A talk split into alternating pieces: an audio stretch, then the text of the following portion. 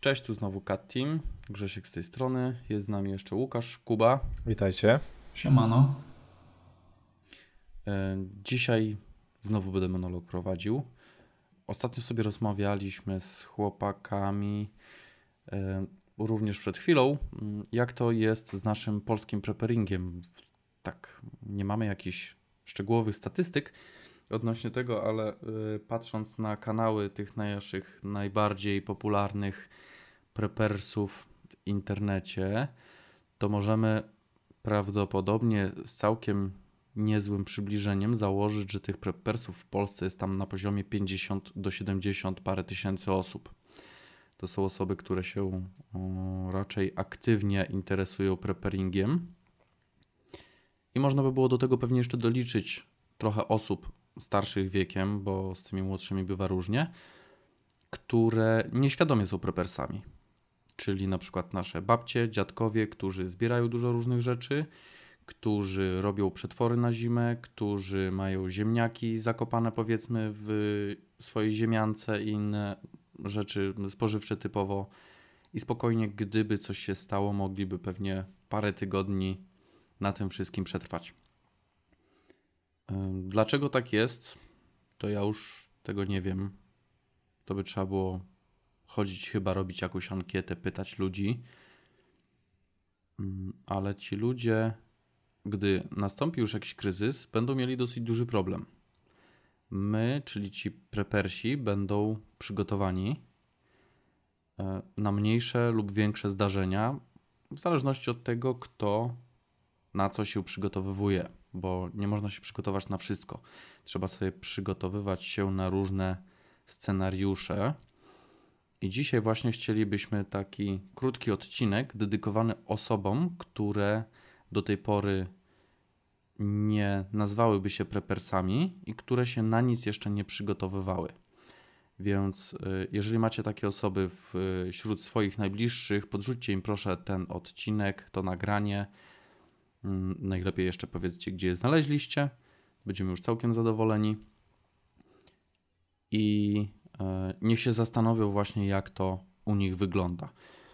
I od czego byśmy tak zaczęli? Ja tutaj sobie przygotowałem kilka takich punktów. Mm, co prawda, w poprzednich odcinkach, w trzecim i czwartym, poruszaliśmy temat braku prądu. Później, e, co mamy ze sobą w odcinku ósmym. No i oprócz tego jeszcze tam było za każdym razem wspomniane na różne tematy właśnie związane z tym takim preparingiem. I chcieliśmy właśnie powiedzieć, jak można tanim kosztem zacząć być prepersem. Takim człowiekiem przygotowanym na różne zdarzenia.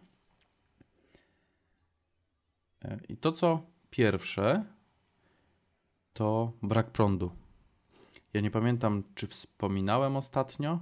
Nie wspominałem, bo tego jeszcze nie było. Y, byłem sobie w tamtym tygodniu u rodziców. Jest to taka mała wioska na Podkarpaciu. Kiedyś była miastem. Tak.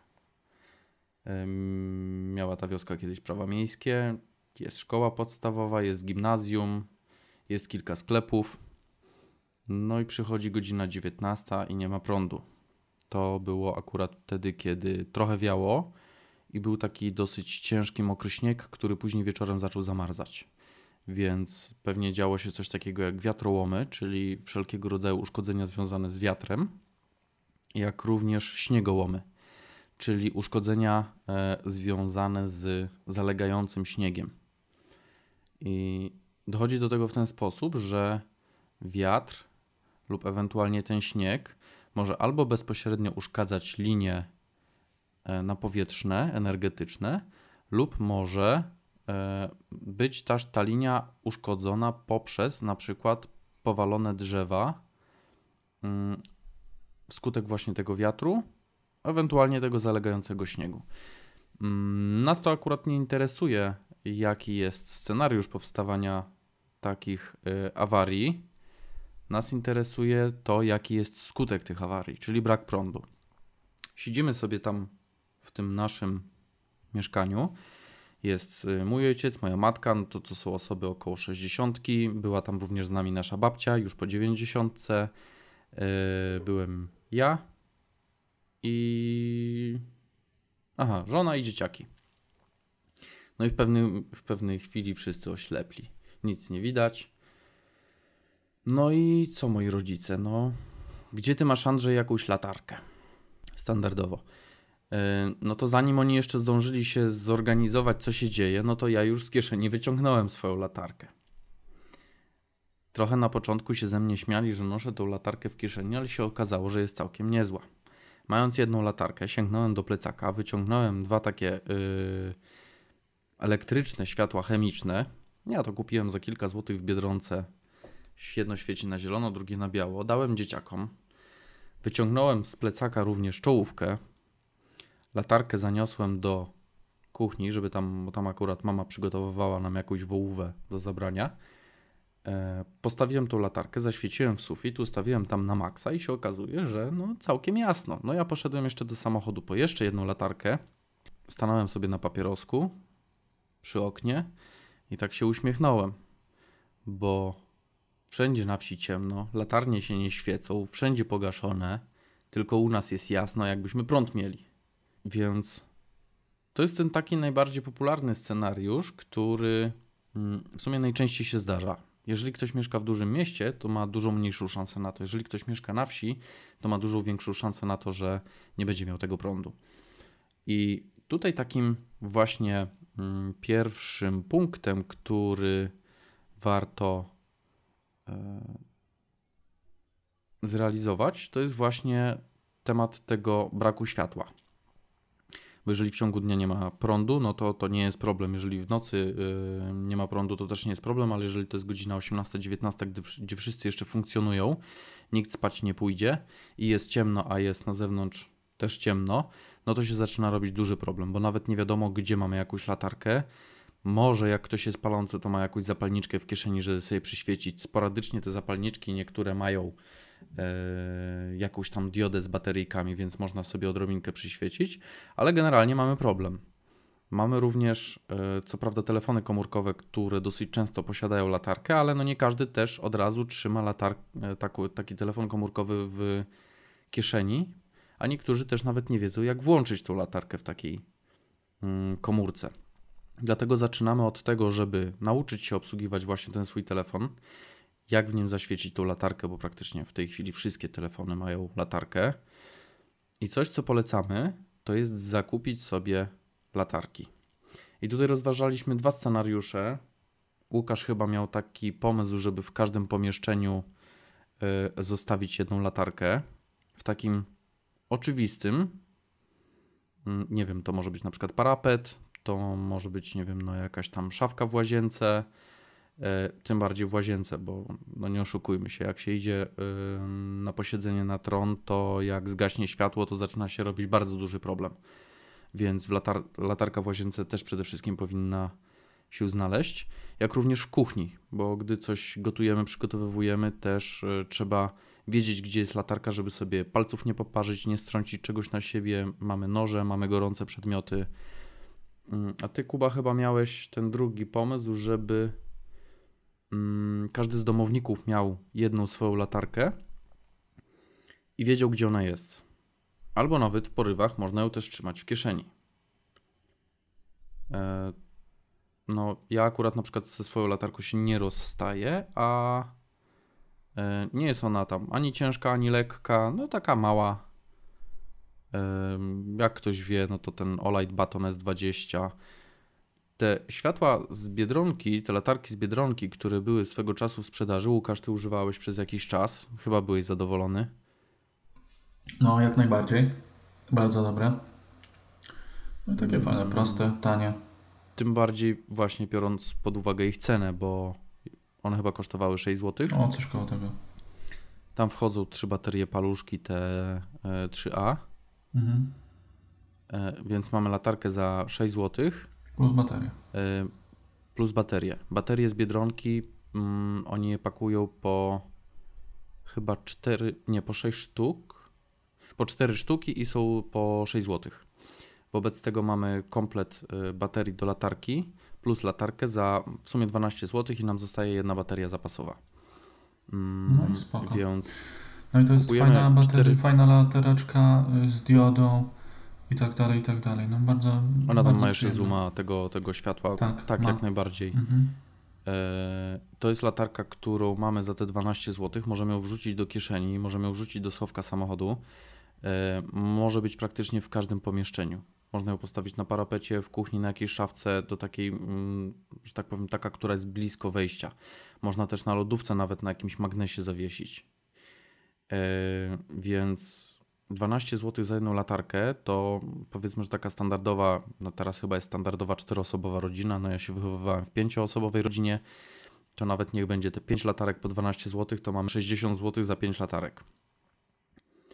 Ja się chowałem w mieszkaniu, które ma trzy pokoje, łazienkę i kuchnię, więc tak czy inaczej 5 latarek, jeżeli byśmy chcieli e, ten scenariusz z pomieszczeniami i umieszczeniem tam latarek e, w tych pomieszczeniach, w których się znajdujemy. Więc za 60 zł jesteśmy już przygotowani na brak światła. I to jest już całkiem niezłe przygotowanie, bo 6 latarek, które no, średnio świecą, ale no, można sobie tam z jedną, dwoma latarkami włączonymi przez jakiś czas radzić, bo wiadomo, że nie każdy osobno żyje, tylko jak to jest pokój jakiś dzienny, to siedzimy na przykład we dwie, trzy osoby, to nie musimy trzech latarek świecić. I tego typu latarki spokojnie mogą świecić przez kilka godzin na tych bateriach.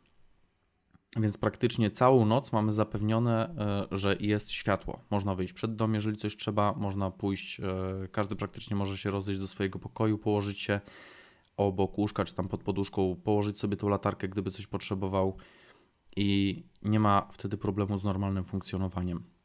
Dlatego gorąco polecamy właśnie nawet zacząć od tych najtańszych latarek, bo one są taką, że tak powiem, pierwszą linią obrony na tego typu zdarzenia. E, oczywiście, jak ktoś chce, można sobie z czasem kupić lepsze światełka, no, Wiadomo, tak jak te nasze. w Biedronce będą znowu? No nie, niestety Chyba nie. trzeba polować. No ja w tej najnowszej gazetce, czyli tam tuż przed świętami Bożego Narodzenia, nie widziałem. E, Zazwyczaj one się pojawiają na wiosnę, gdy zaczyna się sezon rowerowy, jako lampki rowerowe. Mm, Ja je chyba jeszcze widziałem na jesień, a to już nie pamiętam, jak, jaka zorganizowana to była akcja. No to trzeba faktycznie wypatrzeć i Tak, kupić ich kilka Ale jak, znowu. jak są, no to warto kupić kilka, kupić tych, No, tych, ja tych właśnie kilka kompletów baterii. Y, No ja tych takich chińskich, no to kupowałem raz, dwa, trzy, ze trzy powinienem mieć jeszcze w domu. Jedną wiem, że mam w samochodzie. E, No światła nigdy za dużo. Mm, No to mamy 60 zł, jesteśmy przygotowani na brak prądu. Drugi scenariusz to jest problem z wodą. E, Problem z wodą może wystąpić przy braku prądu, no bo hydrofornie są również na prąd. Jeżeli to jest jakieś duże miasto, to zazwyczaj nie ma problemu, bo są te całe zbiorniki wyrównawcze, sporo ciśnienia jeszcze jest. Jeżeli tym bardziej nie mieszkamy na samej górce, to y, jakoś tam będziemy zabezpieczeni, e, bo to ciśnienie jeszcze będzie, że tak powiem, z całego miasta. Nie znam się dokładnie na tym, ale, ale od razu tej wody nie brakuje. Mm, Jednak mimo wszystko tą wodę też warto sobie ze względu na to przygotować. E, Innym scenariuszem, kiedy tą wodę warto mieć, to gdy mm, nastąpi jakieś skażenie wody. Było kilka takich sytuacji. Ja pamiętam e, rok albo dwa lata temu to było dosyć głośne, no bo to mm, miało miejsce w Olkuszu. To jest dosyć duże miasto. I tam e, cały wodociąg był skażony właśnie bakterią E. coli. E, taką wodą nie można się myć, taką wodą nie można przygotowywać posiłków. Takiej wody ona chyba nawet po przygotowaniu nie była zdatna do picia. E, zatrucie bakterią E. coli no, mm, no nie jest dobre, naprawdę. Gorąco nie polecam. E, Na szczęście nie miałem doświadczenia, ale gorąco nie polecam. W każdym razie, wracając do tego Olkusza, mm, tam ludzie nie mieli wody bodajże przez 3 albo 4 doby. Woda była dowożona beczkowozami. E, Nie wiem, jakiej to jest wielkości miasto. 20, 30, może 40 tysięcy mieszkańców. E, Wcale nie jest takie małe, a ciekaw jestem, ile tych beczkowozów jest. 3, 4, chociaż to i tak mi się wydaje, że to jest za dużo.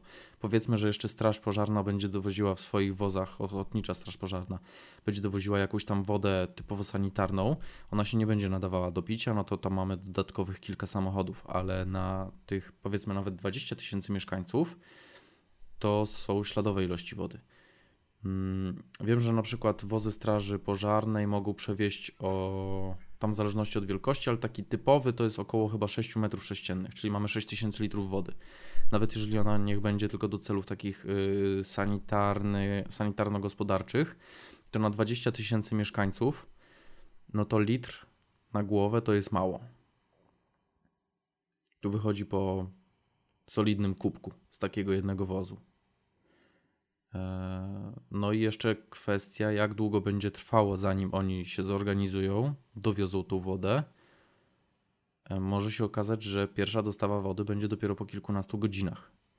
Jeżeli jesteśmy zdrowi, napojeni i w wieku takim, powiedzmy od kilkunastu lat do tych kilkudziesięciu, nie wiem, 50-60, no to jeszcze, jeszcze tak nie ma dla nas to znaczenia, ale jeżeli mamy na przykład małe dzieci w domu, albo osoby starsze schorowane, tak jak ja na przykład mam tam dzieciaki 2 i 5 lat, jest również tam u nas babcia w wieku 90 lat, no to dla niej na przykład, czy dla tych dzieciaków, y, tych powiedzmy kilkanaście godzin bez wody, no to już się zaczyna robić trochę problem. To nie jest zdrowe dla organizmu.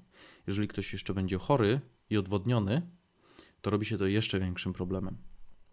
Dlatego powinniśmy się zaopatrzyć również w wodę, która będzie naszą pierwszą linią obrony. Ty, Kuba, jesteś akurat Lidlowy, to mm, nie wiem, czy kojarzysz, jaka tam jest cena w tej chwili wody tej Lidlowej, 6-litrowej. Patrzyłeś ostatnio? To jest około 2 zł, no, chyba nawet poniżej. Złoty 67. No to mocno litrów. poniżej. No ale mhm. nawet na okrągło licząc te 2 zł za tą butelkę, Mm, no ja pamiętam, że raz w makro wyrwałem promocję, no to ona chyba była za 69 groszy za 5 litrów. Albo za 99, już nie pamiętam, ale to było koło złotówki. No to nawet te 2 zł za 6 litrów, mm, no powinniśmy sobie zrobić taki jakiś podstawowy zapas. Licząc powiedzmy na tą jedną w miarę zdrową osobę, niech to będzie 3 litry na dobę, to przy tej 4-5 osobowej rodzinie powinniśmy mieć około 15 litrów wody. No to tam na okrągło niech będzie trzy takie bukłaki na jedną dobę. Trzy bukłaki, no to liczymy już tutaj z górką jest 6 zł. Ale to jest tylko woda do picia. To jest tylko woda do picia, ale to mając już tą wodę do picia na jedną dobę, no to wiadomo, że nie wszyscy będą musieli pić. Można dać to właśnie tym osobom starszym, schorowanym, których mamy w domu. E, ewentualnie tym młodym, którym się nie wytłumaczy, że w tej chwili nie ma wody, ale jesteśmy już zabezpieczeni na jedną dobę. A jedna doba to jest dużo, bo dopiero po jednej dobie może się okazać, że zaczną przyjeżdżać jakieś byczkowozy. Trzy bukłaki, no spokojnie zmieszczą się no, gdziekolwiek. Pod biurko, do jakiejś tam szafki, do pufy na pewno jakiejś takiej typowej to wejdzie jedna butelka. Plus można jeszcze tam dołożyć kilka półtora litrowych. I to jest zapas wody, który no też nie będzie dla nas stanowił dużego problemu finansowego. O 6 zł za jedną dobę. Yy, powiedzmy, że chcemy się już solidnie przygotować, no to liczmy, że będziemy mieli wodę na tydzień czasu. 6 razy 7 mamy 42. Tak? Tak. Yy, 42 zł i mamy zapas wody na tydzień czasu dla wszystkich naszych domowników. Zakładając tą rodzinę 4 do 5 osób. Mm, I tyle. To jest wszystko, co potrzebujemy na pierwszych kilka dni, czyli właśnie światło, żeby sobie poradzić po ciemku i woda.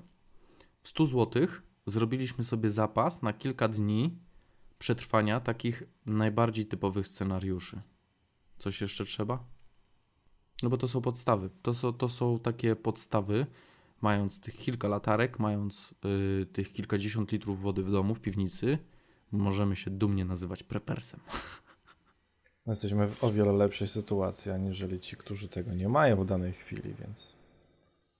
Tak, dokładnie.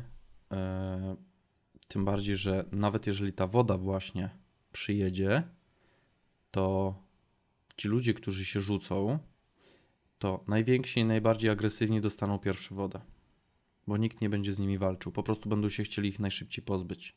Jeżeli jesteśmy jakąś, nie wiem, no, drobną osobą, która nie ma ochoty się bić o tych parę litrów wody, no to chyba lepiej mieć ją faktycznie wcześniej przygotowaną i sobie pójść jeszcze po powiedzmy 48 godzinach, kiedy już te kolejki się zmniejszą po tą wodę i będzie można bez obaw ją sobie zabrać do domu. Jeżeli No będzie. ale po co? Tak, jeżeli będzie. Ale nawet jeżeli ją przywiozą, to po co ją nosić z nie wiadomo skąd, gdzie to może być czasem 100 metrów, może być 500 metrów, jak można ją po prostu przynieść tam z piwnicy, z garażu, czy gdzie ją tam będziemy sobie przetrzymywali, Tak, prawda? tylko trzeba mieć jeszcze w czym przynieść tę wodę. No bo kto ma jakie wiadra, Dokładnie. pojemniki. To jest też kolejny problem. No, ja bym nie chciał na przykład iść z miską No jak? tych kilkaset metrów. Dlatego warto mieć jakieś takie pojemniki. Nawet jeżeli nam się ta woda w tych bukłakach skończy, no to bukłaków wiadomo, tych nie wyrzucamy. Tylko po prostu możemy wtedy pójść znowu po tą wodę.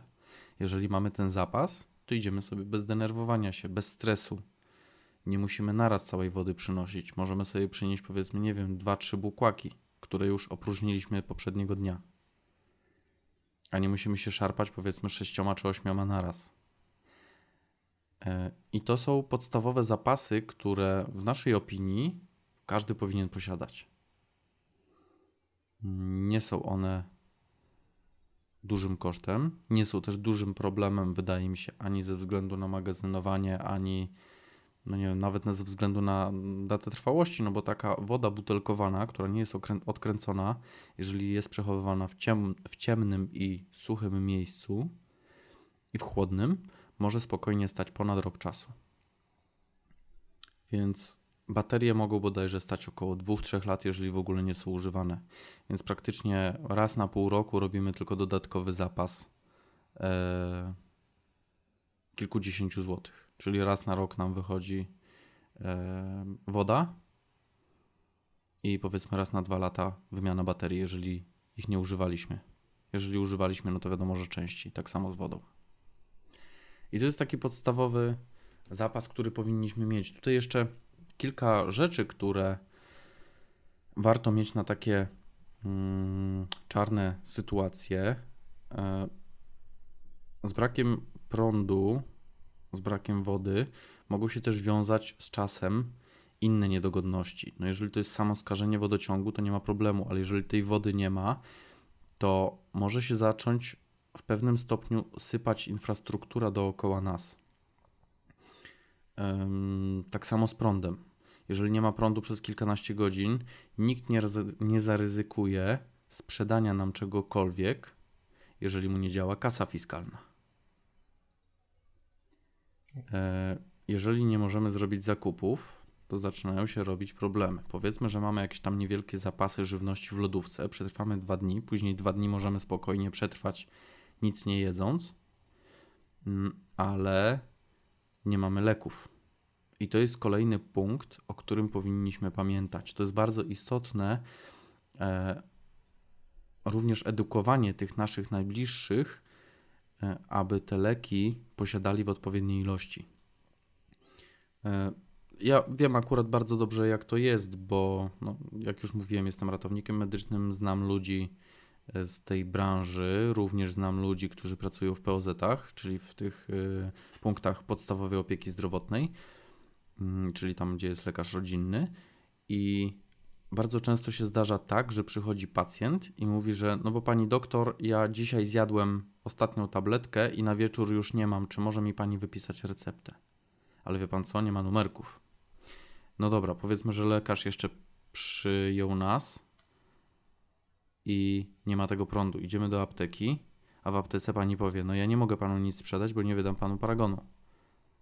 Jeżeli by ktokolwiek zauważył, byłby jakikolwiek tajny agent z y, tej izby skarbowej, no to oni mają karę w wysokości, nie wiem ile tam jest za niewydanie paragonu, 50 tysięcy złotych? I jest problem. Chyba taka kara jest. Mhm. I jest problem, bo no, no nie oszukujmy się, ja, ja bym nie zaryzykował. 50 tysięcy złotych, dlatego że ktoś nie potrafił się przygotować. Mm, tak samo może się zdarzyć, że na przykład y, no, idziemy w tej ostatniej chwili, a lekarz powie, ale proszę pana, mam tyle dzisiaj pacjentów i to dosyć pilnych, że ja pana nie jestem w stanie przy, przyjąć dzisiaj i żeby wypisać panu receptę, sprawdzić jak się panu tam żyje, leczy i tak dalej. Dlatego powinniśmy również y, mieć zrobiony zapas tych leków, które przyjmujemy systematycznie. Uczulajmy na to również naszych najbliższych. Mm, są osoby, które mają cukrzycę. To jest taki w sumie najbardziej popularny, no może źle się wyraziłem, ale jest to, jest to dosyć częste, e, dosyć częsta choroba, e, którą się systematycznie leczy.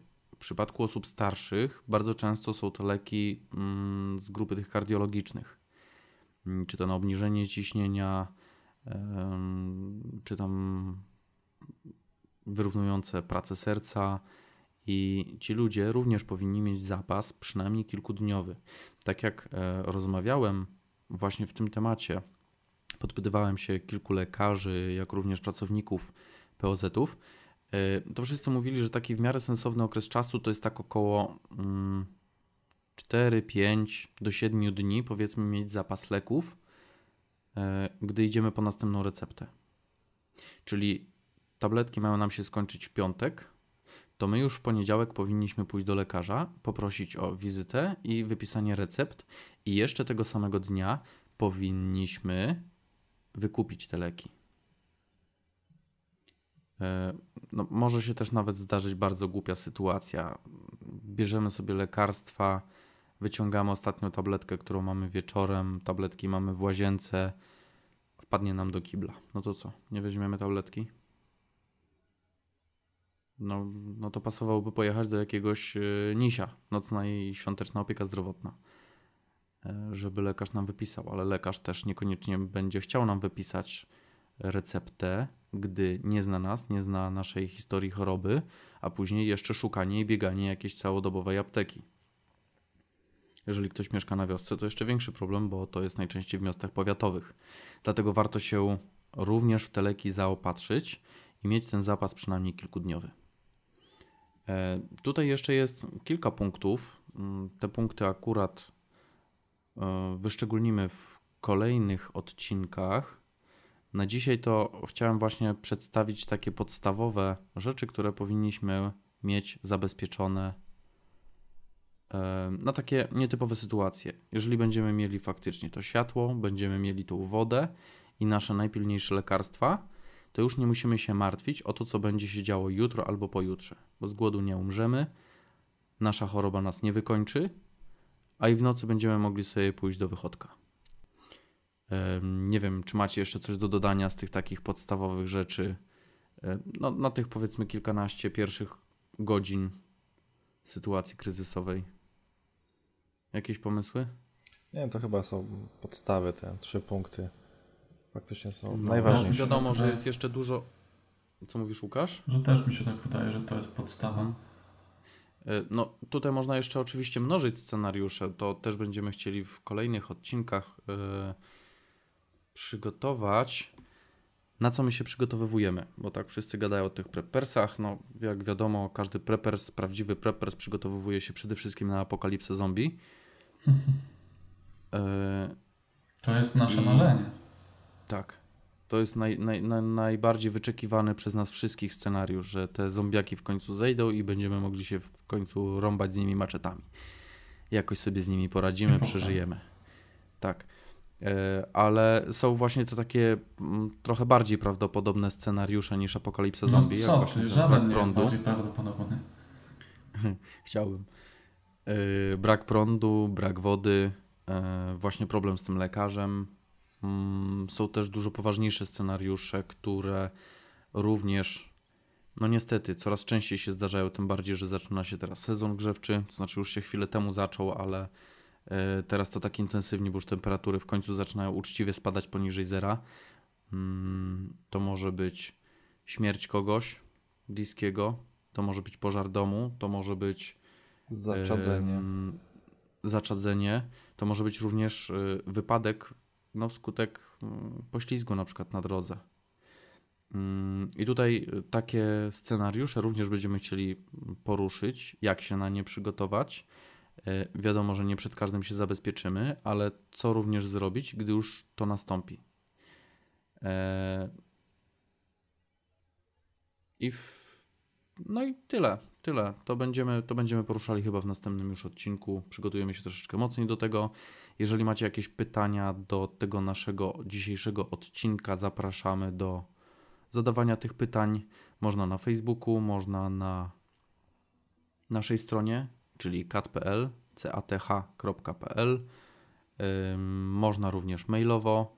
W tej chwili mamy adres kontaktmałpa.kat.pl. Wszyscy z niego korzystamy. Także jesteśmy dla Was wszystkich dostępni. Prosimy również o lajki, prosimy również o udostępnianie naszej strony, opinie na iTunesie i na dzisiaj tyle. Dzięki bardzo i do usłyszenia. Hej. No dzięki, cześć. Do następnego. Cześć.